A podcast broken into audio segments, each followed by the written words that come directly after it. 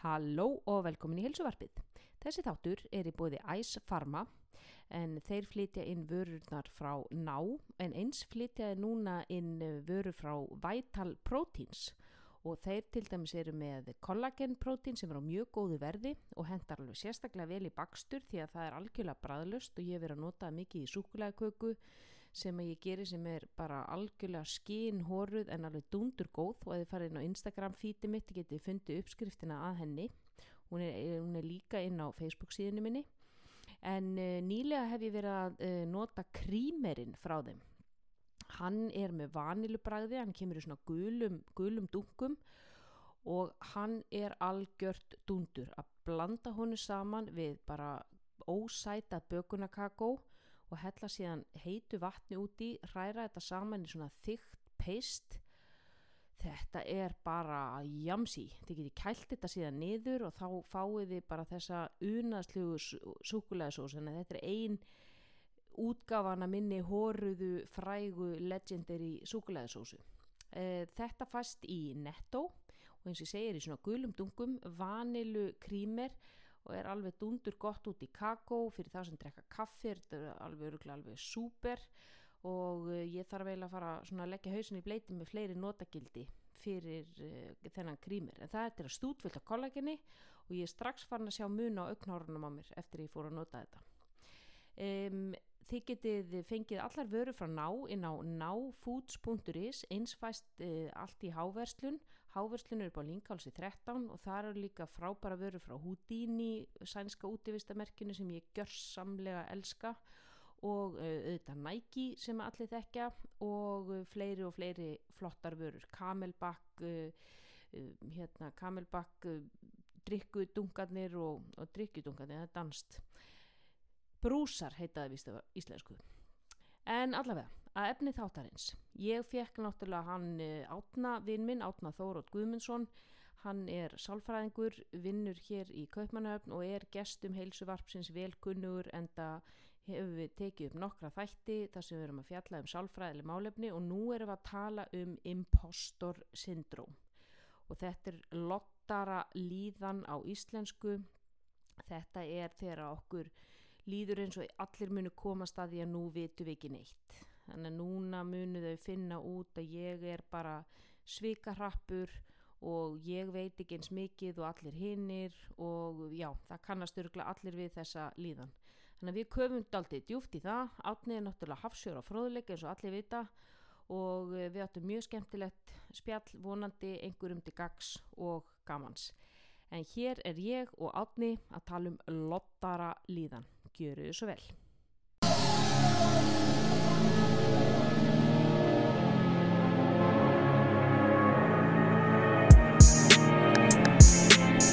Halló og velkomin í hilsuvarpið.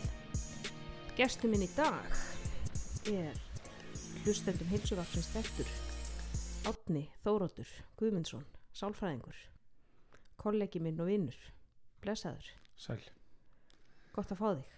Takk, eh, já, takk fyrir að bjóða mér. Já, bara takk fyrir Gaman að að gefa, koma. gefa þig tíma. Já. Við náttúrulega erum bæði í þeirri stöðu núna að það er brjálað að gera hjá okkur.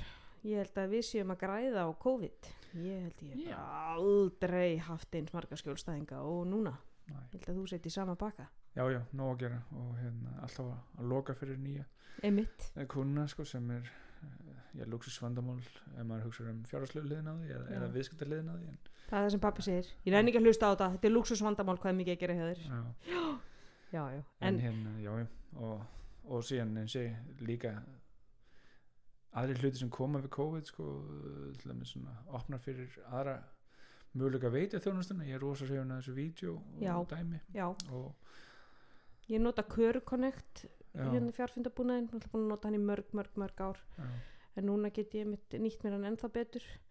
En þú veist, ég er að fá til með skjólstæðinga, ekkit endilega út af COVID. Með ekkit endilega með COVID-kvið. Heldur bara eru með uh, undirlíkjandi bara kvíða og deburð og ímislegt sem þeir hafa bara einhvern veginn ekki leistur og nú hafa þeir tíma mm, til þess einhvern veginn, nú er ég heima nú er ég meira með hugsununum mínu, nú finn ég að ég þarf að fara að taka á þessu og mér finnst sko ég er að fá til mig fólk með alls konar og, og, og það sem að svona ég fæ mikið til mín og finn og þegar við fyrir að grafa dýbra mm.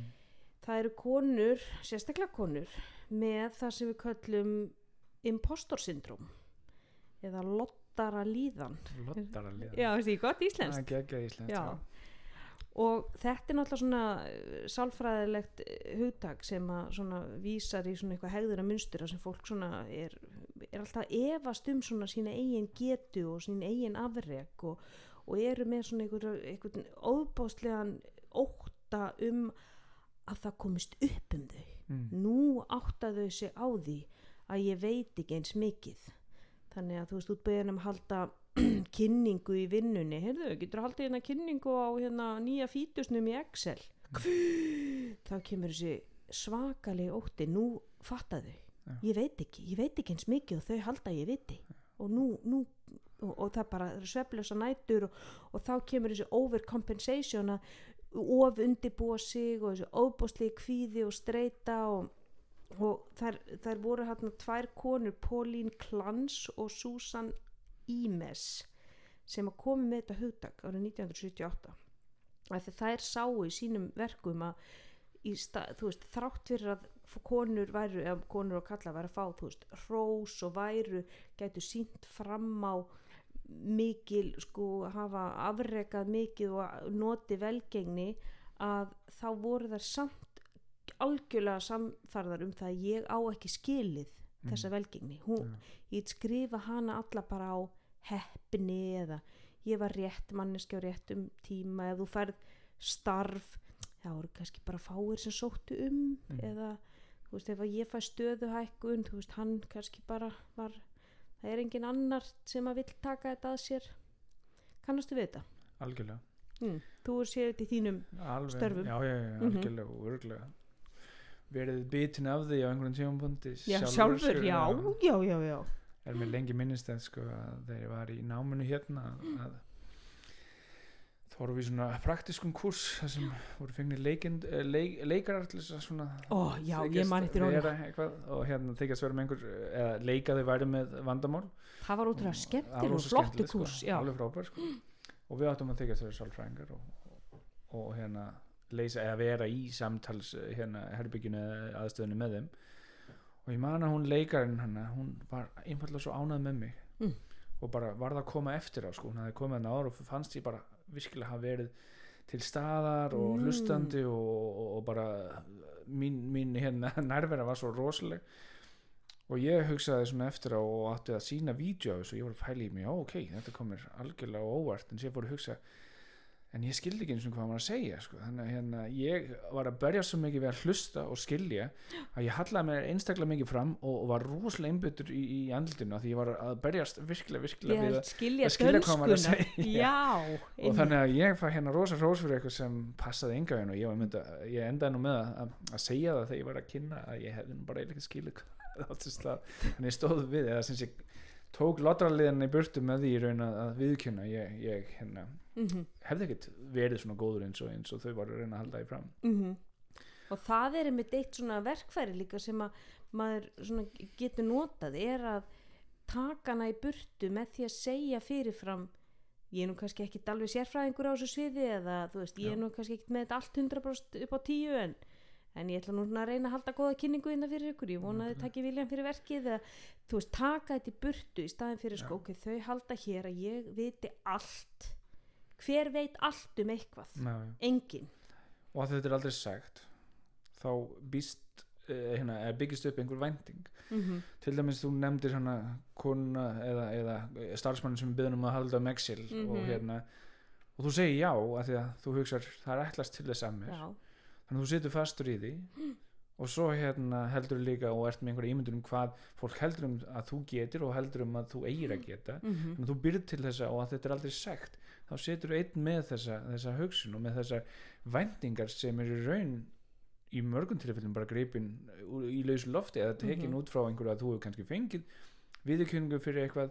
Og það er vandamál við viðurkenningu er, uh, þá, þá ertu náttúrulega búin að setja sko, staðallin hann upp sko, og þá, þá, þá er maður fangin af, af eigin árangri að maður þarf alltaf að lífa upp í það eða sem sé, Mhm. já, ná að, að skila sama árangri eða, eða, og ef maður ætlar að fá þessa viðurkenningu sem verður oft staðfestingin á hvort maður sé að gera hlutinu nógu vel að, að heilin er jú hannar þannig að við venjumst hlutum sko, Mhm. og, og líka góðverkunum sem því að Mhm. við segjum takk í fyrsta skipti eða kannski jafnvel mjög, mjög ákaft takk í fyrsta skipti svo segjum við aftur takk í annað og þriðja skipti og svo fjórða skipti þá fer aðeins að dvína uh, þakklætið að því að ég, þú ert búin að gera þetta fjóru sinnum þannig að ég er að verða Mhm. vanur þessu Mhm. og svo ef það líður nú langur tími þá er ég hættur að segja takk og svo kannski þegar þú ekki gerir þar sem ég er vanur núna þá, þá er alltaf að spyrja herðu hvað, akkur, akkur gerir þetta ekki eins og þú ert vön já, og þar alveg er búið er, er, sko þetta er ákveðið eðli í heilanum okkar að, að búa til þess að, að venja okkur á allt sem er Mhm. alltaf mjög mikilvægt Mhm. upp á að lifa af kerfið sko þar sem við getum eigðum alltaf mikil orku í að upplega hlutinni í fyrsta skipti þess vegna verðum við að hópa það saman mjög fljótt. Þannig að við venjumst hlutum við, við búum okkur til þess að sko staðal mjög hratt og þar af leiðandi ef þú ert manneskjan sem, sem kannski notar hérna viðurkenninguna sem staðfestingu á því þú sért að gera hlutum nógu vel Mhm. þá lendur þú í, í smá hérna vesinni hérna já, þú að- verður, þú við ert verðum að rósfíklar. Við verðum líka rósfíklar. Við verðum rósfíklar það, það, það, það, er- það sem við notum til þess að þegar, þegar þetta er svona í lauslofti gripi við höfum ekkert annað að miða eftir þannig að við sækjum alltaf þessa viðurkenningu. Mhm. og, og, og, og vandamáli er að við verðum fönguð í eigin árangri við verðum alltaf að auka í raun hérna, okkar framlag til þess að fá þetta hrós að því að þeir sem taka móti gjörðanum okkar eða því sem við erum búin að ná þau eru honum vönni. Já, þannig við þurfum alltaf að hækka standartinn hjá, hjá okkur sjálfum. Og einmitt, við verðum svona rósfíklar og ef ég fæ ekki rós fyrir það sem ég er að gera þá túlkar heilin það að ég gerði ekki nú vel. Já. Ég, nú, nú feilaði ég, Já, nú já. klúðraði ég. nú er ég rekin. Nú verið rekin og það koma katastrófu hugsaninnar, Já, nú já. fatta þau. Ég er, er fíbl og fáviti og veit ekki neitt. Og þannig að þá koma þessar það, það, það fyrir gangi þessar miklu hugsanavillur. Og síðan eru við sjálf með þessar kröfur. Ég verð að gera allt 100% ég verð að gera þetta sko dundur vel þau halda að ég viti allt um þetta. Mm. og þá yfirvörpu við þeirri eh, sko, þeirri hugsun yfir á áhörundina þau búast við því að ég viti allt. En þegar við sjálf þegar við snúum þessu yfir og ég nota þetta stundum með mína skjólstæðinga þegar hefur þú setið í sal þar sem einhver hefur fipast? Já. Og hvað hugsaði þú?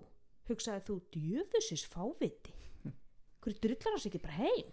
Hvað er hann að gera hann upp á sviði maður er greinilega gjörsamlega vanhæfur í þetta starf. Nei, við erum alltaf já, ok, hann, hann fipaðist Vi, við pælum ekki í því.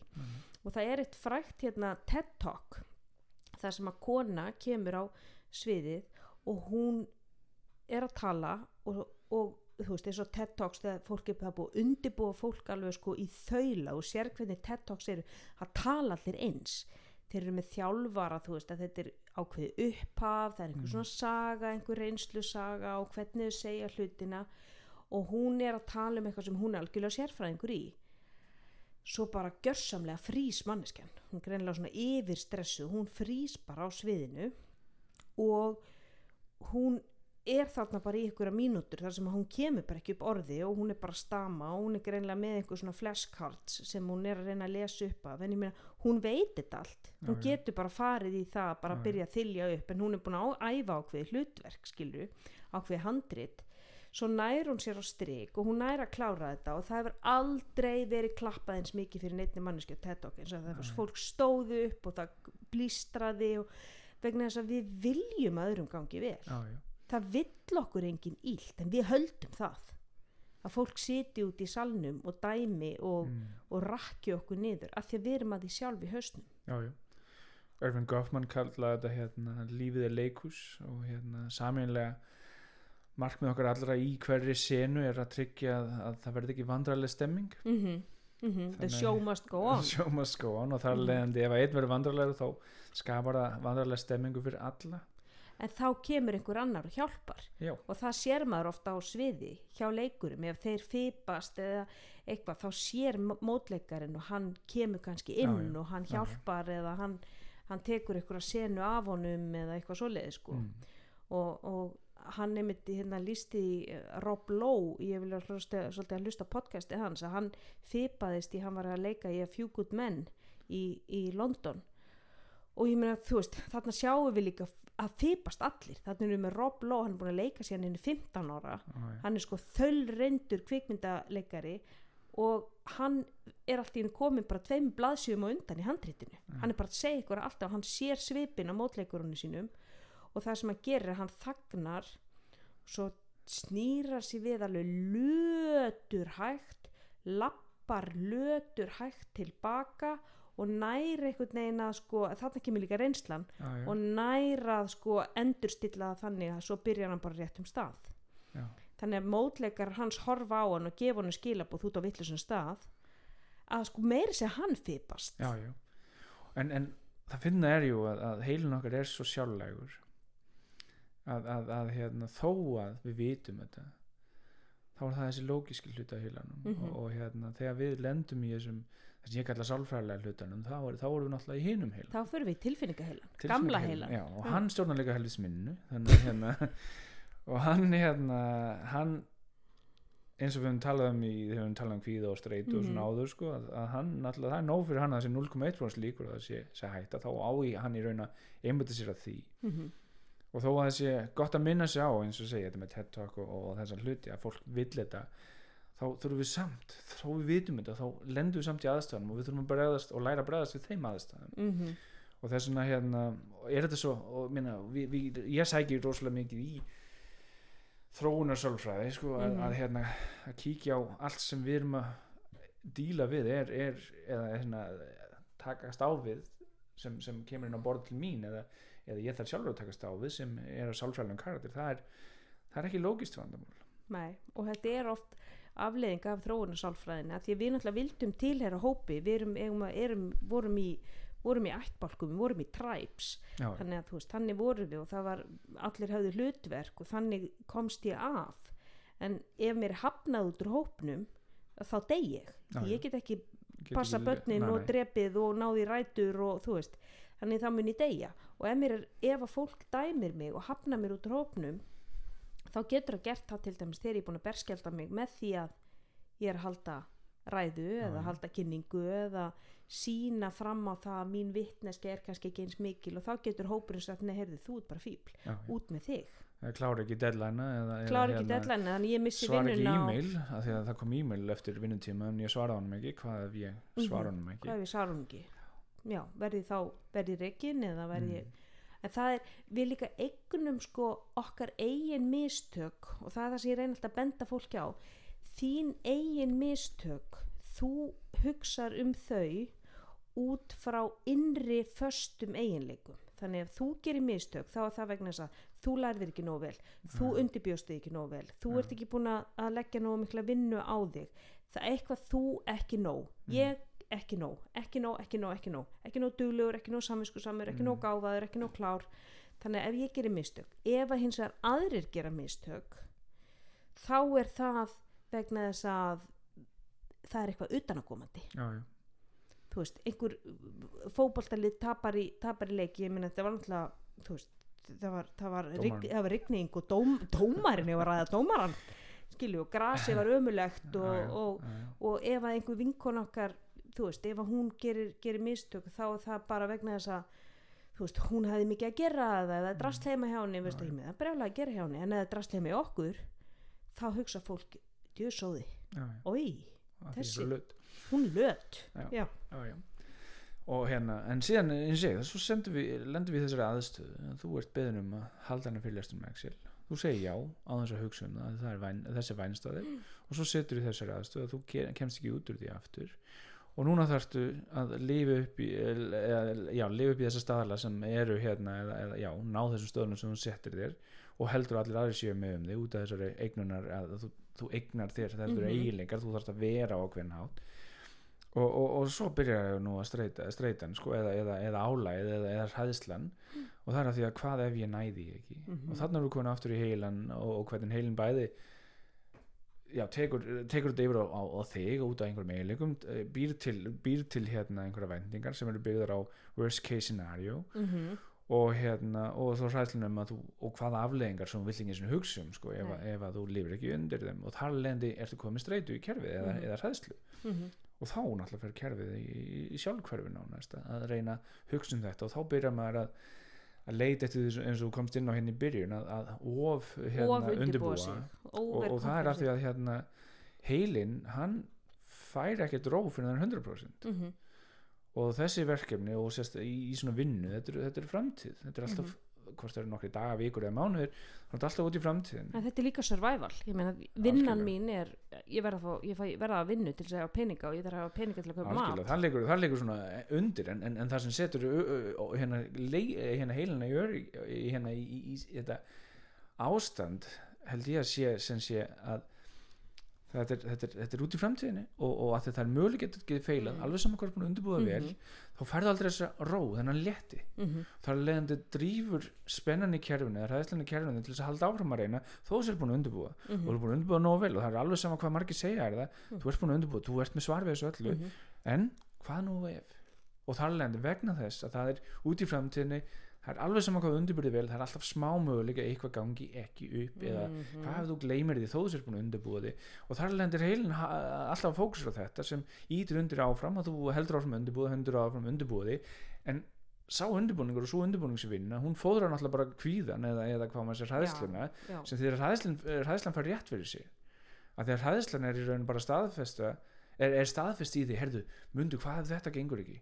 Þú eru að prófa að gera þetta, kíktu aðeins yfir þetta aftur. Þú Mhm. gerir það, augnabliksléttir Mhm. ok, en þú En gerir þetta aftur eða hvað með hitt, eða hvað með Já, og þannig, að heilin er alltaf eða hræðslan er raun alltaf að fá rétt fyrir sér. Og þannig erum við að fóðra kvíðan að fóðra og það er líka annað sem við erum að fóðra. Við erum að fóðra fullkomnar áratuna. Algjörlega, að hegðunin er viðbröð við auðvitað tilfinningunni mm en hegðunin verður þá líka maður segja svarið við tilfinningunni sem Mhm. þýðir að þú fær tilfinningunni og þá voru að gera meira því sem virkar eða ekki virkar virkar í skamtíma -hmm. sem er náttúrulega þetta að það undirbúa sig eða gera hlutina fullkonlega og svo að það versta sem gerist kannski er að það tekst þetta. Já, fara hrós, já, oh my god. Og hvað þýðir það? það þegar heilin búin að læra, húf, við erum að gera þetta eins næst þegar við gerum þetta þá verðum við undirbúið okkur jafnvel. Já, og jáfnvel betur. Jafnvel betur. Þannig að, og það eru sko svo margir sem einmitt keira sig upp í streytukerfi þannig að þeir eru bara í sko svamlandi í kortisol og adrenalíni í marga marga daga á undan. Og þetta er yfirleitt það sem keirir fólk síðan á endanum bara niður í kulnun. Já, já, já, svona vera lengri tíma litið algjörlega. yfir lengri tíma, ég meina líka menn hann ræður ekki við að Nei, vera nei, nei. að of undirbúa sig undir allt og ef að þú ert með mjög sko ríka tilneyingu til þess að fá impostor syndrom þá ertu alltaf að undirbúa það er alveg saman hversu líti verkefni þú átt að gera. Já, já. þú ert alltaf að undirbúa þig og vel, alltaf að passa og svo ertu kannski með þetta líka á öðrum sviðum því að þetta er ekki bara endilega í vinnu. Er, hvernig er heimili mitt skilu, ég verð að hafa það þá 100% líka, ég meni hvað ef einhver kemur í heimsókn og maður ekki sjá hérna, þú veist, úlpu á gólfinu og, og, og, og ló í hotnónum þannig ég Já, þarf að passa upp á það líka og ég guður að koma gestir, ég verð að baka eitthvað fyrir það og þannig að þetta verður svona óbáðslegar kröfur á sjálfan þig að standa þig á öllum sviðum alveg hundrað með allt upp á tíu mm. samanlega og, það er það sem hann segir og, og þetta er líka að því að þessi tilfinningaheili, hann stjórnar nú minninu og minnið er hannað og þessi, þessi tilfinninga hérna, viðbröð okkar eru hönnu til þess að halda okkur lífi eins og við komum nú oft inn á Mhm. og, og, og það vinnur best ef það getur undirbúið það áður en það gerir sem því Mhm. að það er alltaf að læra nýjar aðstæður og sam, hérna, líka saman þannig að þetta með heimili og vinnuna og kannski vinasambönd og, og sem foreldri eða hvað er þetta náttúrulega yfirfærist á nýjar og nýjar aðstæður það sem er hægt að dæma þið, það sem er möguleiki að verði eitthvað óryggi út í framtíðinni og það er bara öll framtíð mm -hmm. sem þýðir að það er mjög auðvelt að, að, að þetta viðbröð verði þá valið eða, og verði bara þjálfað upp sem nánast ósjálfrátt viðbröð við óryggi Mhm. eða einhverjum svona já, óvissu út í framtíðina. Hafa allt 100% að hafa allt 100% og það er leðandi er, erum við alltaf að að rækta þessa hegðun eða styrkja þessa hegðun. Sem þýðir að hún styrkir sig sjálf styrkir sig svona við það að þetta tekst jú, Mhm. þið tekst nú að þá kemur, það koma gestir og Mm, þeir rósa, Og- vá hvað hrósa fínt hjá heimilinu. þeir og hvað er góða Nefnilega. kökur og já, yes, þarna fekk ég ég fekk viðurkenningu. Tjekk í það box, þannig þá er ég í lagi, þá er ég einhvers virði sem manneskjana, þegar við erum að dæma okkur sjálf og okkar virði sem manneski út frá afrekum okkar Já, og hvernig við stöndum okkur í vinnu, í heimili sem uppalandi, sem móðir sem vinkona en við, hvernig dæmum við aðra Já. hvernig dæmir þú er, sko ef þú ætlar að halda ræðu um bróður þinn í ammælinans þá segir þú ekki ég hérna uh, elska hann Gunnar vegna þess að hann er svo rosalega flinkur í bókaldinu hann er bara svo góður í Excel að ég, ég get ekki annað en elska hann út af lífinu, nei þú segir hann er bara, hann er búin að standa með mér hann er alltaf til staða fyrir mig hann er alltaf góður við mig, þú veist við erum bestu vini hans og fyndin hans og skemmti þú ferði eiginleikan hans. Já, já, alltaf innra, innri mannin og það er þannig sem við dæmum annað fólk. En þegar kemur okkur sjálfum þá höldum við að aðrir séu, já hún er svo góð, hún er frábær hún er allt svo reynd heima hjá henni skilur, hverjum er ekki sama Já, já. En þú kannst líka inn á það líka sko, eins og þessi undirleikandi hræðslam að verða rekin eða þurfa að sjá um Mm. börnin og svona og ég er alveg sammálaður þar að það, það liggur hérna undir líka það er, það er þessi hugsun sko, sem hérna hér og nú er það, ég má ekki feila en hvað, hvað er það sem fóðrar þá hugsun svo? Það er er, framtíðin. það, er, það er framtíðin og það er framtíðin í þessu stóra, stóra þessi katastrófu hugsanir eins og við talaðum um mm og þess vegna eins og ég segi er, er, eru við en, en já, og það sem, það sem er svo fyndið með, með hugsunum okkar er að við, við fóðrum hana líka að því að við erum við erum að tala um framtíð og við erum að tala um þessi verkefni og við erum að tala um það sem við þurfum að gera og við erum að tala um að ofur undirbúa og allt þetta -hmm. Að, að því að ofur undirbúningun eða undirbúningun gefur þér ekki róna þá heldur áfram að undirbúa sem þýðir að, að þú fóðrar auðvitað hugsunni sem við erum að koma inn á áðan. En, en hérna en það sem gerist Æ, vendilega, býtum við, ég misti þráðin, getur við aðeins já, já, það er allt í góðu. En það sem Hvað langar að vita samt átni, Já. er hvernig vinnur þú þetta með þínum skjólstæðingum? Já, ég hérna hvaða verkfæri lætur þú þá fá sem að eru að, að díla við svona ég hérna, já. Ég nota, ég nota útskynningu ég er rosa hrifun af þessu sem heitir sugu education mm þannig að hérna, eitt sem að ég er farin að nota mikið og held ég hafi ekki notað hérna áður er að hérna tala um hungur. Ó, og, og til þess að sína hvernig tilfinningar virka sko. og ég nota hungur sem er rosalega náttúrulegt viðbröð mennur það eins og svengt svengd. Já, Já. Mm og, og ef maður pælir í hvað er tilgangurinn með, með, hérna, með svengd það er Mhm. nú að, að halda okkur lífi -hmm. og þegar við höldum okkur lífi með svengdinni þá hérna þá er mér mikilvægt átt að sjá að svengd á að vera óþægileg Mm til þess að við hundsum hann ekki -hmm. þannig að þegar við erum svöng þá er það óþægilegt sem drýfur okkur eða rekur okkur af stað til þess að borða við borðum þetta er mjög náttúrulegt viðbröð þetta er mjög skiljanlegt að þetta hangi svona saman Mhm. en, en síðan erum við að tala um nútíma samfélagið og við erum að tala um að hérna að svengd sem við upplifum í dag er mjög sjaldan lífræðilega svengd ef nokkuð tíma Mhm.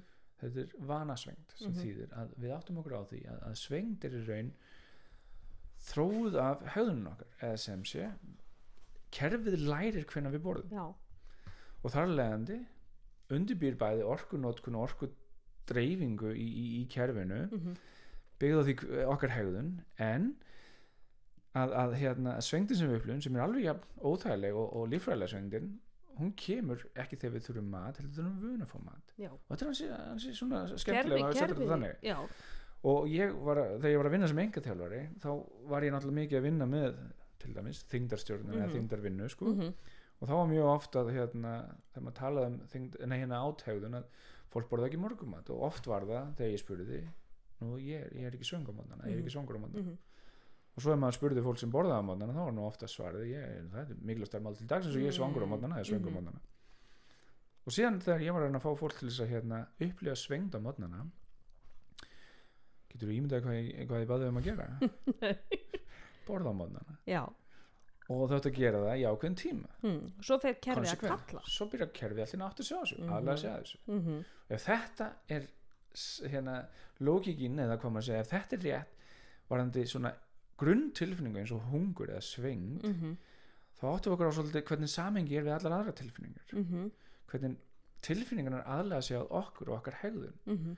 og þar leðandi þýðir það að, að það sem við erum ofta að ég er ofta að hitta eða, eða, eða sjá hjá fólki eða mæta hjá fólki er að fólkið vil fá stjórn á tilfinningunum til þess að breyta hegðuninni þegar við erum að átta okkur út frá þessu samingi það er hegðunin sem breytir tilfinningunum mm. amen brother þannig að ef þú getur hegðunin Breytt. breyti tilfinningunni já, ef þú getur breytt hungurtilfinningu já, með einfaldri hegðunarbreytingu þá getum við yfirfært á allar aðra tilfinningar ok og hvernig, hvernig breytu við hegðun varandi impostor syndrom til dæmis við tökum núna of undibúning mm. hvernig getum við breytt þeirri hegðun til þess að breyta tilfinningunum við finnum tilfinninguna, það er hæðsla getum við Mhm. samanskapit samvinsku bit uh, hræðsla, ótti, kvíði, áhyggjur. Já, allt Mhm. þetta hérna. Þetta eru tilfinningarnar. tilfinningarnar. Og hérna hegðunin er að ég er að púla, ég er að taka alla nóttina í að, í að undibúa mig, ég er búin að vera í marga daga ég er svefnvana ég er uh, tætt af, af streitu þannig að ég er búin að sita fyrir fram að tölvuna hérna eftir vinnu þrjá fjóra tíma til að undibúa þessa kynningu það er hegðunin mm. ok, hvernig ætlum við að breyta? þá erum við búin að komast að það segjum að, að hérna, við, við gætum leikja okkur með að finna hvaða tilfinning er sterkust þarna segjum að þessi hræðsla Mm -hmm. þannig að ok, þegar þú ert að gera þessa hegðun þá ertu reyna að kenna hræðsluna að hræðsluna hafa rétt fyrir sér sem þýðir að þú ert í reyna staðfesta hræðsluna Mhm. sem þýðir að þú ert að búa til hérna fast mynstur þannig ég ætla að segja er að núna verðum við að velja hvað ert þú tilbúin að upplefa hræðslu? Hvað ert þú tilbúin að kenna kerfinu? Svona bara konsekvent eða koma að segja bara alveg eh, hérna að finna eitthvað konkrétt verkværi eða hegðun sem við getum breytt sem Mm. þú er samfyrðum að gefa þessar hræðslu tilfinningu og svo erum við búin að búa til reglu eða, eða, eða hegðunar, hegðun sem á að koma í staðin Mm. segjum að þessi hætta klukkan 5 ok, og þá segir viðkomundir væntalega ég get það aldrei. Nei. Og þá segir næ, það, það er rétt. Eða þú heldur áfram að, að staðfesta ef þú gerir það ekki. Þannig ég bý oft til, getum við gert tímabundið tímabundin hérna samningum getum Mm. við prófað það í tvær vikur? Mm. og þú ert tilbúin að prófa klukkan 5, hættar klukkan 5 og það er ekkert vist að allir sér tilbúinir alla daga klukkan 5 en ég Mhm. finn, ég finn ein- hérna einhvern hvað er þú tilbúin að gera þessa tilraun og svo ákveðið það eru tveir dagar í viku þá hættir þú klukkan 5 A- allt í lagi, hvað er þú tilbúin að koma á móti? En þú, það verður að vera kvíðið, það verður að vera þessi hræðisla Mm en inn á, inn á viðránlegu hérna, inn í viðránlegu magnis -hmm. og svo búið til þann, þannig hérna það, þá áætlun sem heitir ok, hérna mánudag og fymta þá hættir þú klukkan 5 ok, þannig að þú ert í exposure therapy í raun. Já, en það sem þú ert að gera og ert að, ert að þú ert ég nota þessa hungur hérna lýsingur líka Mm. sem til þess að búa til, ok, þetta make a sense. Mm af því að það sem ég er að byggja þeim að gera ég er að byggja þeim að hérna, gera eitthvað sem er mjög óþægilegt og það verður að, það verður að hérna, til þess að þú fáist þess að gera eitthvað sem er óþægilegt þá verður það að make a sense mm Mhm. -hmm. það verður að vera lógist í hausnum að vilja gera það mm -hmm. af því að það er engin leið utanum þetta verður óþægilegt Mm þannig að það verður að vera þess virði -hmm. þess að nota ég þessa, hérna, þessa frásögn eða aðrar uh, viðlíka Mhm. til þess að búa til sem sé samingi á hverju er ég að fara að gera þetta Mhm. og síðan verðum við og við verðum að útskýra það líka þannig að, að þú kemst ekkert í gegnum þetta á þess að vera tilbúin að upplifa þessa hræðslu að þú þannig kennur þú kerfinu að hræðslan eigi ekki við Mm. að því, út frá þessu ef við tökum hungurdæmi sem, þessum dæmi hungrið er búin að læra hvenar þú borðar sem þýðir að það er að senda þér signal þannig að hungrið er í raun ekki að segja þér þið vandi mat hungrið er í raun að segja þér, hei, þú ert vön að borða hérna." vön að borða þessum tíma það sama gerist hérna með hræðslunum Hræðsluna. hræðslunum er að segja, herðu, þú ert vanur að vera hrættur hérna, Já. þú ert vanur að vinna aukulega mm Mhm. því annars uh, hérna verður hrætt þú ert vanur að vera hrættur þegar þú ert beðin um kynningar. Þú ert vanur að hrættum þegar þú ert beðin um að, gera eitthvað sem að þú veist, sýnir, þú ert að sína fram á einhverja þekkingu. Og þú ert vanur að vera hrættur þegar þú hættir klukkan 5 í staðan fyrir að vinna auka aha, aha. sem þýðir að í hverskið sem þú gerir þá fá, þá fá tilfinningin rétt. Þannig að þú verður að segja ok tilfinningin er bara að gera það sem hún hefur lært. Tilfinningin er í raun ekki að gera neitt vitlaust. Mhm. hún er bara, hún er raun að reyna að hjálpa þér með sínu besta uh, sínu besta mögulegu hérna aðferðin sem er bara, herðu þú manst, þú ert vanalega hrættur hérna? Já, og þar að leiðandi með þá vitnisku þá erum við í raun búin að breyta þessu strax.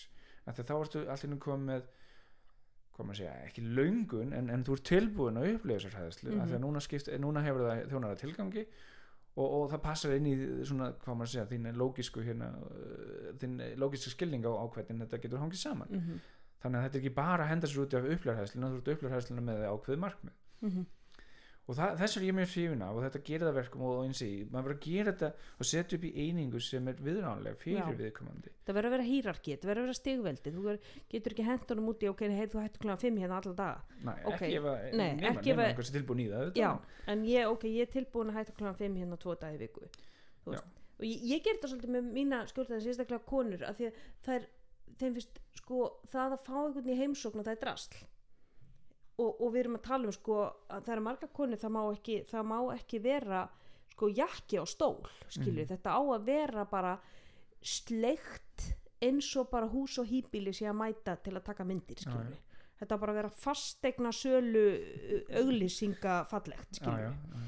og þá læti það einmitt taka okkur hvert er tilbúin þú veist, ertu tilbúin í að riksu ekki? Nei Alls, ok, ertu tilbúin að skilja þetta jakka á stólum? Já, ég til í það. Ok, fyrir þangað, prófum það fyrst. Þú veist, þannig að höfum þetta yfirstíganlegt. Já, já. ok, og næst þá ætlum við kannski að prófa að vera með jakka á stólnum og skó í stofunni Mm. kannski óhrina disk á borðinu. Þú veist, gerum þetta alltaf pínlítið óþægilega já, já. og hvernig og síðan náttúrulega hvað, hvað helst að hinn var að hugsa hvernig leið þér í aðstæðanum þú veist, allt þetta.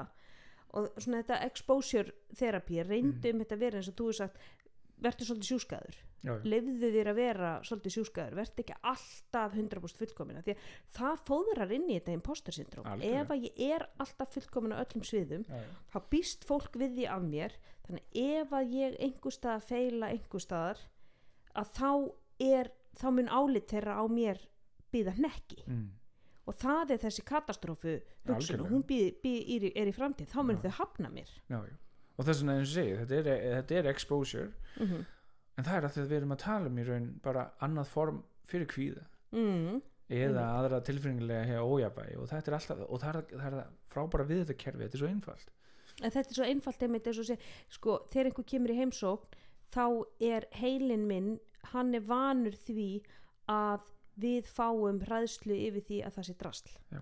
þannig að heilin minn fer í að overkompensata þar. Já. mér dettur í hug sko annað fólk með flughræðslu mm. heilin minn er vanur því að vera hrættur inn í þessari túpu hérna þessu, þessu, þessu álröri já, já. hann er vanur því að vera hrættur og þá verði ég hrættur þar þannig að hvernig myndur þú vinna með það það er hérna já þá erum við náttúrulega í aðstöðu sem kannski er ekki auðvitað að búa til byrtingu eins og, eins og Mm. eða, eða, eða aðstæður sem maður getur unni með eins og með hérna eins og með klukkan 5 dæmi Mm, eða hægt að nei. klukkan 5 mm Mhm. af, því að, að það sem er auðvitað við þegar maður er að vinna með imposter syndromið er að það er oft hverstaslega aðstæður sem er hægt að búa til mm það er hægt að búa til þessa byrtingu eða sækja í þessa tilfinningur hæðisluna eða saminskapið eða hvað það er -hmm. nánast á hverjum degi og líklega á hverjum degi og áðurinn í fyrir flugið þá Mm. langar mig aðeins að fara aftur á heimilið sko, þegar Mhm. eitt af mínum uppáhalds er ég ég fæ fólk að búa til lista yfir þessar hluti sem að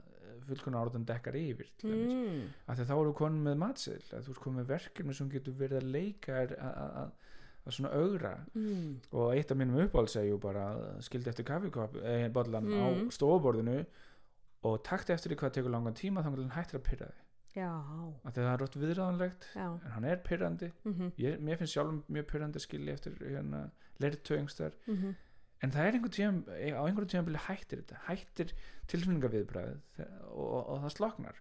En það er svolítið kannski eins og þetta er svolítið eins og hérna útvarpið e, eða ef þú býrð til dæmis við umferðagötu eða þú ert með útvarp sem að suðar eða þú ert með eitthvað ráftæki eldhúsinu sem að svona eitthvað hummar í að það verður þetta þessi þessi skinfæra sko setta eða þú veist Mhm. þessi venni eftir smá stundi út búin búa við umferðagötu þá heyrir þú ekki Já, trafikkinni já. skilju, þú heyrir hann kannski til að byrja með hún fyrir eitthvað eins í töðana svo hættur að heyra þú hættur að heyra suðið í þessari, þessari kaffivél eða hvað það er þessi Að- aðlögun sko. þessi aðlugun en, en Sem það að sem er líka sko er, er ef þú hugsa um kvíðakerfi sem er hanna til þess að passa upp á okkur mm að þess vegna tala maður ekki um kvíða þegar maður horfir á ljónið eða sem sagt þegar maður er mætir ljónið þá er maður bara með hraðislu og viðbráð Mhm. eða þá, þá er maður bara að- hvíðin er að mæta ljónu kvíðin er fyrir. Já, í framtíðinni. Hann er í framtíðin alltaf að undirbúa hvað framtíðina ef þú mætir ljóni nákvæmlega. Það það og það segir. líka hérna, núna er ljónið bara orðið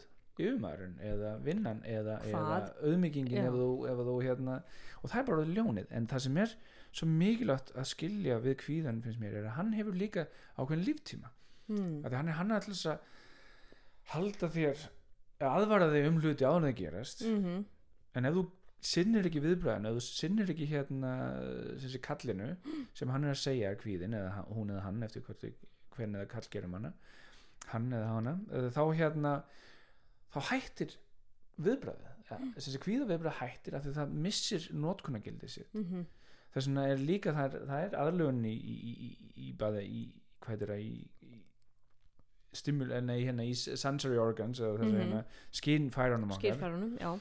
En það er líka uh, ákveðið í að kerfið er búin að gera sitt. Mhm, þú ert hættur að sinna þú ert búin að kerfið er búið að minna þá mhm. það er eins og með hérna hvað gerist með hungur sem þú sinnur ekki? Það fer síðan. Það fer, já, það, já, bara búið, það kemur og, aftur og við en, vitum það, þú veist, ef maður hefur prófað að fasta til dæmis, Já.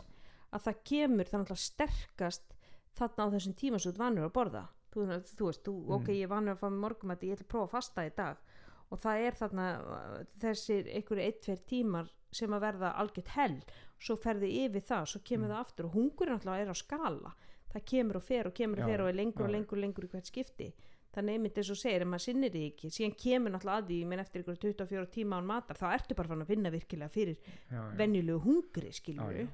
og þú þarft að sinna því kalli jafnvel Mm. en eins og segir kvíða viðbræði það, það kemur og fer líka.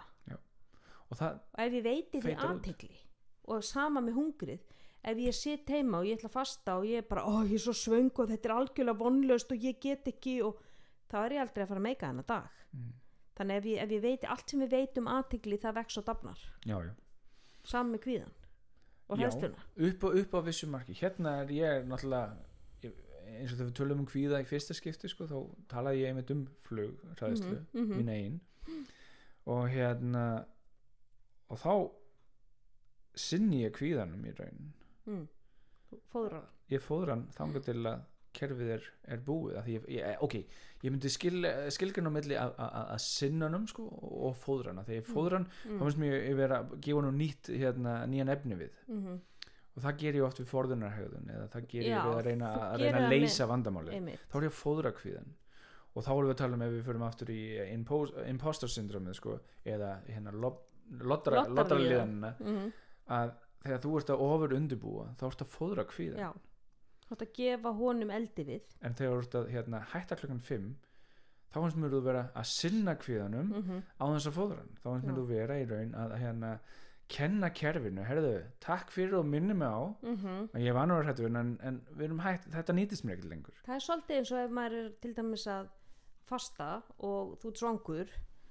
Já, nú er ég svöng aðteklisvert, já, ok já, það er náttúrulega þetta því ég er vun að borða þessum tíma. Já, nú kemur svengt, ú, já, hún er svona núna, já, hún er aðeins lengur en þetta skipt, en ég er að veita því aðtekli mm. en ég er ekki að fóðra það með einhverjum þú veist, hugsunum um að við þetta er ræðilegt, ég var aldrei eftir að meika þetta þetta eru 15 Nei, tímar í viðbót og þetta er, þannig að þá er ég ekki að ég er ekki að fóðra það eða þá dæmi. einhverja, gera einhverja aðra hegðun eins og þú veist, nú ætlum ég að fara og drekka fullt af gósi eða eitthvað til þess að þú veist, Slökkva láta þetta hungur fara í bu- burtu Já. mm og þetta finnst mér, þetta er, þetta er nefnilega, finnst mér mjög mikilvæg aðgreining á milli sko, að fóðra eða, eða sinna -hmm. Mm og hérna, og síðan ef við, ef við förum í sko, eins og flugurhæðsluna sem er annað dæmi þar sem og það er svolítið að það eru ekki með hverstars aðstæðanar -hmm. sem hérna sem við höfum þegar við erum að tala um til dæmis framistöðu kvíða eða, eða hérna lottaralíðan að, að hérna þar höfum við flest ekki efnaði að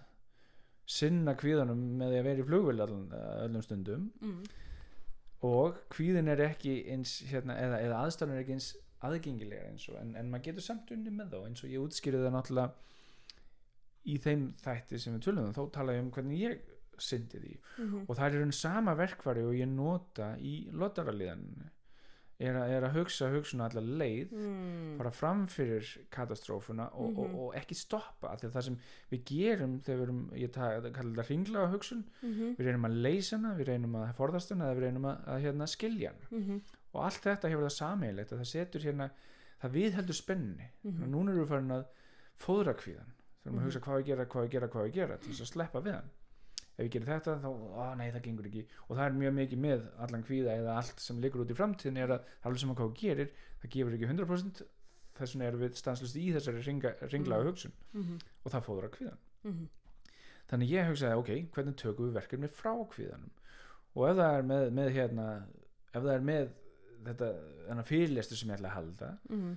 Og ef að hann, þessi kvíði heldur áfram að vera og ég held áfram að, að, að hérna ofur undirbúa þá, þá eins og ég fæði til að augra þeim kvíða, búa til kvíða og búa, hérna, leysa tengingun á milli kvíðans við að hérna fá til að ekki að vinna eftir fimm. En hugsunum sem er að ennþá getur ennþá verið mjög óþægileg og gert það verkum að þú getur ekki eins og sinn því verkefni þetta, þetta er ómikil kvíði þá verði ég að fara með þig inn í aðstöðunar og ég verði að láta þig feila. Af því að lottaraliðan og hugsunum þarum er að hindra þú feilir. Mm en í hugsunni þá getum við raun látið þig feila Já. og svo verður að vera með viðbröð eftir feil einmitt. Hvað hvað að ég að feila? ég, ég segi dóttir mín ok, hvað ef ég feila, ok, hvað þá? Já. hvað ætlar að gera þá, kláraði setninguna. Mm. hvað ef ég, hvað ef ég stama? Hvað ef ég hika, hvað ef ég gleymi því sér, hvað ef ég frýs? Já. það finnst mér vera sko mesta ræðslan, hvað ef ég frýs og Mm. finn ekki orðin? Já. hvað ætlar að gera þá? Mm. hvað gerir þá? Ég, uh, ég, ég, ég, veit, ég veit það ekki. Fyrir hvað glút já, ferðu út, ok, það er eitt möguleiki. Mm. einhver annar möguleiki. Mhm. getur verið með einhver flashcards fyrir framæði sem að myndu, þú veist, minna þig á eða, þú veist, hva, hva, hvað gerir þú í ég spyrði þau oft hvað myndir óskæða sem myndir gera? Mm og þá heldur fólk átti þessi meina ó ég myndi óskæða sem ég myndi ekki frjósa. Nei, nei, nei, mm, þú ert búin að frjósa. Já. Þú ert blank í höfðinu. Mm fólki fara að spyrja þig og hvernig það er allt í lægi -hmm. hvað myndir óskæða sem myndir gera í þessari aðstöð Mm. ég vil jú þetta frjósa, nei, nei, menn leikum þetta aðeins. Hva, hvað langar að gera það hvað myndir að gera, hvernig væri fullkomin settu Leiða að höndla þetta. já, Já. sett hann upp í kvikmynd eða hvað myndir óskæða þess að gera? Og svo þegar við erum búin að búa það til þá getur það stundum bara það getur gefið létti. Mm en stundum þá fæ ég viðkomin til þess að loka augunum og þá spilum við þetta sem senu í kvikmynd. -hmm. það sem þú ert í aðalhuturski Mm það sem þú feilar, það sem þú hérna frýst. Það sem þú hérna líður yfir þig eða, eða farið kvíðakast eða hvað, hvað það er sem gerir þess að verkum. Eða þú sér að fólk er að gespa út í sal og þú finnur allir er farin að taka upp símónu eða eitthvað svo Mhm. hvað gerur það? Og þá hérna erum við búin að búa til við erum komið skriptið, við erum komið sinn -hmm. Og svo í mörgum til nota ég og þetta getur fólk í raun gert sjálft heima Mhm. búið til þessa senu tekið hann upp á hérna hljóðupptöku í símann sinn og, og spila, eða svona hlustað á þetta með Mhm. lokuð augun, Mhm. ekki að það eru töfrar við en það bara gerir það auðvöldara að, búa til myndina, þú ert ekki með Mhm. eh, hérna augun opin og tekur á móti því sem er að gerast fyrir fram að þig Mhm. og þar leðandi býrðu til mjög líkt hræðslunu sem að þú ert að reyna að hindra en þarna ferðu í gegnum það, þú ferði yfir það Mhm. og eins og ég gerði á sínum tíma þegar ég var að vinna með mína flugræslu og geri á til ef að, sem kemur sjaldnar og sjaldnar ég dó ah, í, í, í flugum mm.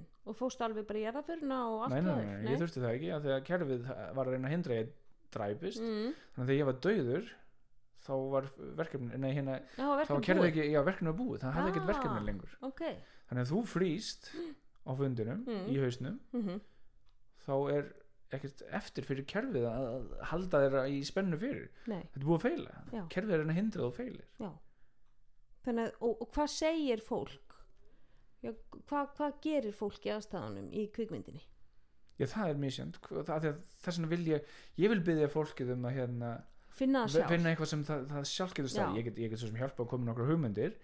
Í mínu tilfelli þegar ég hérna þegar ég var að degi í flugslýsi þá Mm. einbytti ég mér að sætismakkarnum, ég átti kærist á þeim tíma og Mm. hérna var þá að sinna henni og í staðan fyrir að hrópa með, með hinnum farþjóðunum þá ákvað ég að vera til staðar með henni og, og Mm. romantískur og, og, og bara hérna já, svalasti flugslýsadöði sögunar en, en, en í, í, í mörgum tilfellum væri það sko að, svona, að, að, að bara viðkenna það Mm. að það, er mjög margir sem segja og við endum með einhverja senu þar sem ef þú frýst á, í fyrirlestinum þá, þá segir, herðu afsakið, ég hérna geti, ég meina ég þurfi í hálsunum uh, erum með eitthvað vatn? Uh, uh, fyrir ekki, ég, bara, ég er alveg blank ég er með, ég er með kvíða. Mm. segja, ég er með, ég með framistöðu kvíða eða Mm. ég er búin að vera svo ógeðslega nervous eða, eða sem segja, tauga óstyrkur yfir þessum fyrirlestri. Ég finn að ég bara, ég stoppa.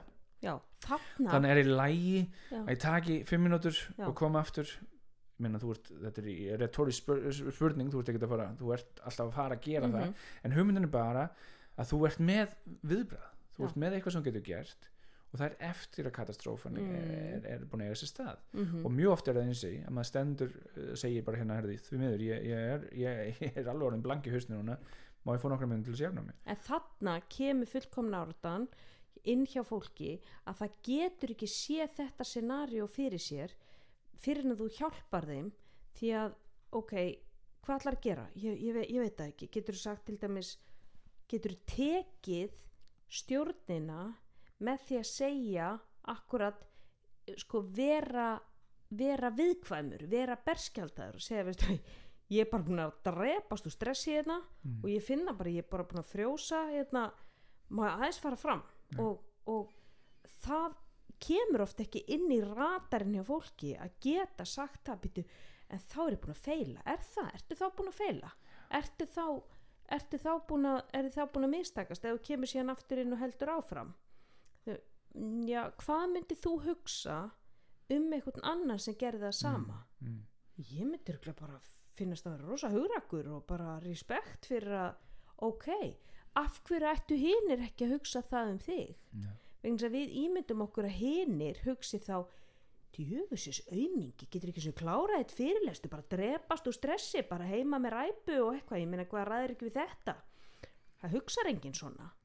Fólk er ekki svona illa innrætt. Nei. en það er líka alltaf hræðslan. Það er stóri dómurinn frá fólkinu í. Og eða yfirmanninum eða yfirmanninu með hverjum sem er. En máli er að fólk ber virðingu fyrir því þegar þú sýnir heyrðu, ég er bara mannlegur Mm. ég er bara manneskja sem er stressuð og kvíðinn og, og ég er bara eitthvað aðeins að frjósa þetta og ég ætla aðeins að fá að þú veist, fá með vasklas og ekkert mál og svo bara höldum við áfram já, já. en mér finnst, mér finnst þetta með að feila mér finnst alltaf að kalla það að því að kerfið er, hefur ekkert verkefni lengur þannig að það slakar á hvort sem þú feilar það ekki Mm. og að þetta gerist í haustnum þá ertu í raun að undirbúa aðstæðunar Mm. og þú vinnur rosalega vel með kvíðan aðeins nokk tíma að þurfa í raun að lenda þar mér finnst þetta flott sko NASA þeir segja there is no such thing as failure Já. only early attempts at success mér finnst það mjög gott já, já, mjög Þetta eru bara tilraunir til velgengni. já, já. Mm. og já, alveg uh, samanlega því Það sem miðist annað sko líka, það er með hrósið. Fólk sem er með imposter syndrom og ef það fær hrós, ok, jú, það er staðfesting að við gerði vel, en mér finnst í rosalega mörgum tilfellum að mínu skjólstæðingar allavega, þeir skýra burt hrós. já, já, Þannig að þú færð hrós, vá hvað þetta vel gert hjá þér. Já, hann er bara að segja þetta að því að, að, því að þú veist, hún er, hann, hún er vork, vorkinni mér. Og þetta hef ég upplifað sjálf mm. ef ég held fyrirlestur eitthvað starf og einhver kemur eftir á og segir þetta var alveg geggja, þetta var æðislegt hjá þér að mín fyrsta hugsun er nei það var það ekki, Nei. þú ert bara að segja þetta til að vera næs. Þú já, ert bara að segja þetta vegna svo vorkinni mér að þetta var hörmulegt. Þannig að, að það er þetta geta aldrei sagt sko, geta ekki tekið hrósi á sama hátt og við tökum neikvæðan kommentum. Ef einhver myndi koma upp að mér eftir og segja "Veistu það, þetta var nú alveg rosalega barnalegur fyrirlestur mm. þá myndi ég bara já það er rétt hjá þér, já, þetta var barnalegt, astnalegt og ég gerði þetta ekki nógu vel. En ég tek það sem heilagan algildan sannleik en hrósið er það er skýrt burt, Mm. það er skýrt með meðumgun eða þú veist að reyna bara að vera, já, já. vera svona En, en, en, en þú ert ekki ein. Við erum svona öll, Öll, og það, svona er heilin. Og ég get lofarið þegar ég hugsa tilbaka til þessa hérna hlaðvarpa þá hugsa ég um hvernig ég misti þráðin á þann sem ég hugsa líka ef ég tek jákvæða vinklin á það þá gott að ég get gert feila sjálfur. Já, það var mjög gott sko. en, en, en, en það er það sem ég ættir að hugsa og það er það sem ég ættir að hérna svona kannski gaggrina sjálf á mig eh, já ég misti á. þráðin já, misti þráðin en, en sko hversu mannlegt er það að missa þráðin það er nefnilega mjög mannlegt. En, og, og, og samhátt það er svo mannlegt að bara hugsa um það. Í þeim tilfellum þá segi ég oft við heilum takk. Já, takk fyrir að takk fyrir að gera vinnuðina Já, einmitt En ég, ég hlusta mjög mikið á podcast alls konar fólki, frægu fólki og ég, veit ekki hversu oft ég hef heyrt fólk, veist, já, veist það, ég bara ég veit ekki hvað ég var að segja Hvað voru að tala um? Hver á spurningin? já, Já. já, já, það er þetta hérna góða við þetta format sko. En ég hérna, mér fannst þú líka koma inn og rosa gott uh, eiginlega í byrjun þú vorst að tala um þessum væntingastýring mm sem þú sjálf notar sko, þú ert að halda fyrirlestur og ég hef sjálfur notað það ég var beðin í gömlu vinnu minnum að halda fyrirlestur þar sem hérna, fyrir samstagsmenn, þar sem helmingur var búin að heyra mig fjóru sinnum og aðri voru nýjir og út af nýju þóst að gera þetta. Og ég lendi í það því ég átti að vera svona hálfur reddari sko, ef þau höfðu ekkert í umminninu þá átti átni alltaf að fara upp á svið og, og segja eitthvað. mm -hmm. og ég var bara fann að hugsa, oh my god að því að hérna hinir starfsmennar, þeir eru búin að heyra þetta svo oft þeir rúla bara með augunum og hugsa einmitt ekki að þau ætla að kynna eitthvað s- s- starfsdagur eða eitthvað. Yes, átni kemur að svið, helmingur myndi hugsa bara í alveg einu sinni já, einmitt. Og auðvitað var ég meðutur um það en að því ég, eins og aðrir með hérna löngun til þess að þóknast mm þá hérna gæti ég ekki sagt nei þannig ég sagði já. Og svo sitt ég bara með það eftir ó nei, ó nei, hvað er ég að fara að gera? -hmm. og hérna þá nota ég mynd þessa vendingastýringu þar sem ég byrja fyrirlestin að segja. Ég er mjög stressað núna að ég veit að helminguna ykkur hérna er búin að hlusta á þetta áður og örgulega bara um leiða þetta og ekkert kynnt bara "Oh, þurfa að gera þetta aftur. Já. Og ég hérna veit að ég get ekki þóknast ykkur öllum. Ég er bara, ég er búin að rembast og ég er búin að hugsa hvernig get ég náð ykkur öllum og ég veit að ég get það ekki. Mm. þannig að ég veit að einhverjum ykkur á eftir að leiðast. En þetta er bara tveir tímar ég er búin að fyrirgefa mér það. Já, og ég ætla að byggja ykkur bara um að þykjast hafa áhuga að það gera öðuldra fyrir mig og það eðlögur ekki fyrir hinum. Mm, sniðugt. Mjög sniðut og ég fann hvernig þetta, þetta, þetta hefur ótrúlega góð Þetta áhrif á, á, á streituna mína stingur á blöðruna, sko, spennublöðruna Já, algjörlega. Og það er þetta líka sko, geta komið fram strax og bara tekið stjórnina mm, strax, heyrðu, ég ætla bara að segja ykkur ég er búin að vera rosa stress yfir þessu og búin að hérna liggja yfir þessu þannig að þú veist, ef ég eitthvað hipka og fipast og eitthvað, þá er það bara því að þú veist, ég er bara mannlega eins og þið.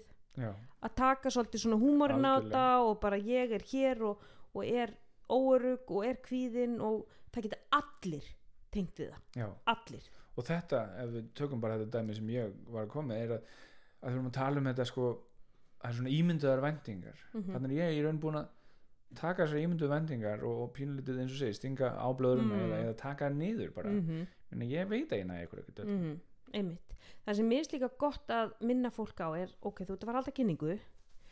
Hugsaðu um það að þú, það, þetta fólk er ekki að fara að dæma þig heldur ertu að fara þarna inn til þess að hjálpa fólki. Mm. þannig ef þú ferð inn með það hugafar hér er ég að fara að hjálpa þessu þessum, þessum hóp með að kunna betur á Excel. Eða ég er að fara að hjálpa þessum hóp að eiga betra samband við mataræði. Eða ég er að fara að hjálpa þessum hóp að kunna betur að fara þú veist á æfingar í, í, að lifta eða Mm. whatever Mm. skilju, hvað, hvað eina sem fyrirlesturinn er um hér er ég að hjálpa ykkur og það er einhvern veginn þetta hugafar og tekur spennuna úr ég er ekki að fara í munnlegt próf skilju, ég er expertinn hér á þessu sviði og ég ger ráð fyrir að ég hef verið beðin um þetta því ég veit eitthvað meira heldur en fólkið sem er í, Mm. er í salnum þannig að það þýðir það að ég er beðin um að gera þetta til þess að hjálpa. Já, já, og þegar við erum að hjálpa þá líður okkur alltaf betur.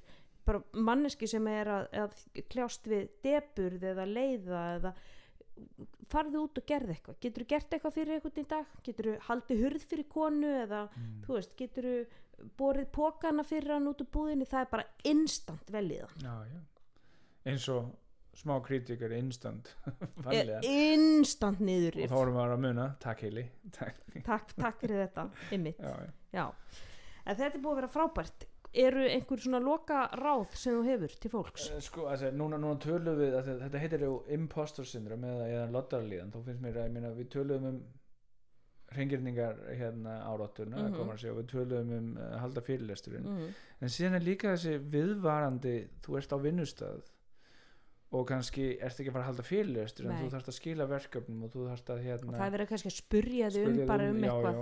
já, og, og, og yfirmann Erðu Siggi, veistu hérna hvernig maður gerir þessa skipun hérna? Og það og kemur. allt þetta sko og, og, sem líka getur hérna fætt af sér þessa ofur undirbúning og mm, og þá ertu svona alltaf líka í einhverju smá kortisól svamli, þú veist það kemur svona pínulítið sem getur svona dreigið þig í kulnun svona með lang- lengri lengri tíma tíma. liðið. Mm en þar eru við sko að þannig að maður sé ekki bara að feila á fyrirlestri maður þá líka þá ef að það er á vinnustæðanum þá þarf maður auðvitað að byrja að sjúska með það að, ekki, að ekki vera að vinna svona lengi og ofurundubúa en þá að finna líka hvað er hvað er hæðslan þannig, hvað er augnablikið sem heldur öllu kerfinu í kortisólsvanlunu og það er kannski þegar þú þarft að viðkjöna fyrir yfirmannum að þú náir ekki deadline-num Mhm. eða þegar yfirmannum kallar inn á skrifstofan og rekur þig mm eða hvað það getur verið. Og það, þá myndi ég beita í raun sömu tækni eins og við erum að tala með flugslýsið áðan eða, eða með að, að frjósa Fara í fyrirlestri.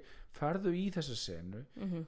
og eigðu viðbröð já, þú ert búin að taka við því, hann er búin að reka þig hvað gerur þú þá? Mhm. í staðan fyrir að vera í ringlega hugsunni að hindra þú verið rekin. Mm og, og myndu, þetta, er- þetta er náttúrulega þetta er og hugsanleikur. líka að bara það er allt í lagi að segja, veistu, ég bara veit ekki en ég skal koma að staði og það getur líka verið eina aðstæðar sem að þú getur þá nota já, að annarkort að prófa. þú notar það mynd, myndrænt eða eins og segi, við vorum að tala um vendingastífingu á þann þá er þetta líka ein leið til að taka vendingastífingu og vera, einmitt, leifa sér að vera viðkvæmur og berskjaldaður. Já. ég bara veit ekki að ég skal koma að staði fyrir þig. Já. ég er bara ekki alveg viss. Mjög góð að já. snild, þú ert náttúrulega bara sko endalus brunnur af fróðleik. Takk fyrir að vera með mér takk fyrir mig Árni. að koma. Aðeinslegt takk fyrir e, að hlusta á heilsuarpið kæru lustendur og þá til næst veriði bless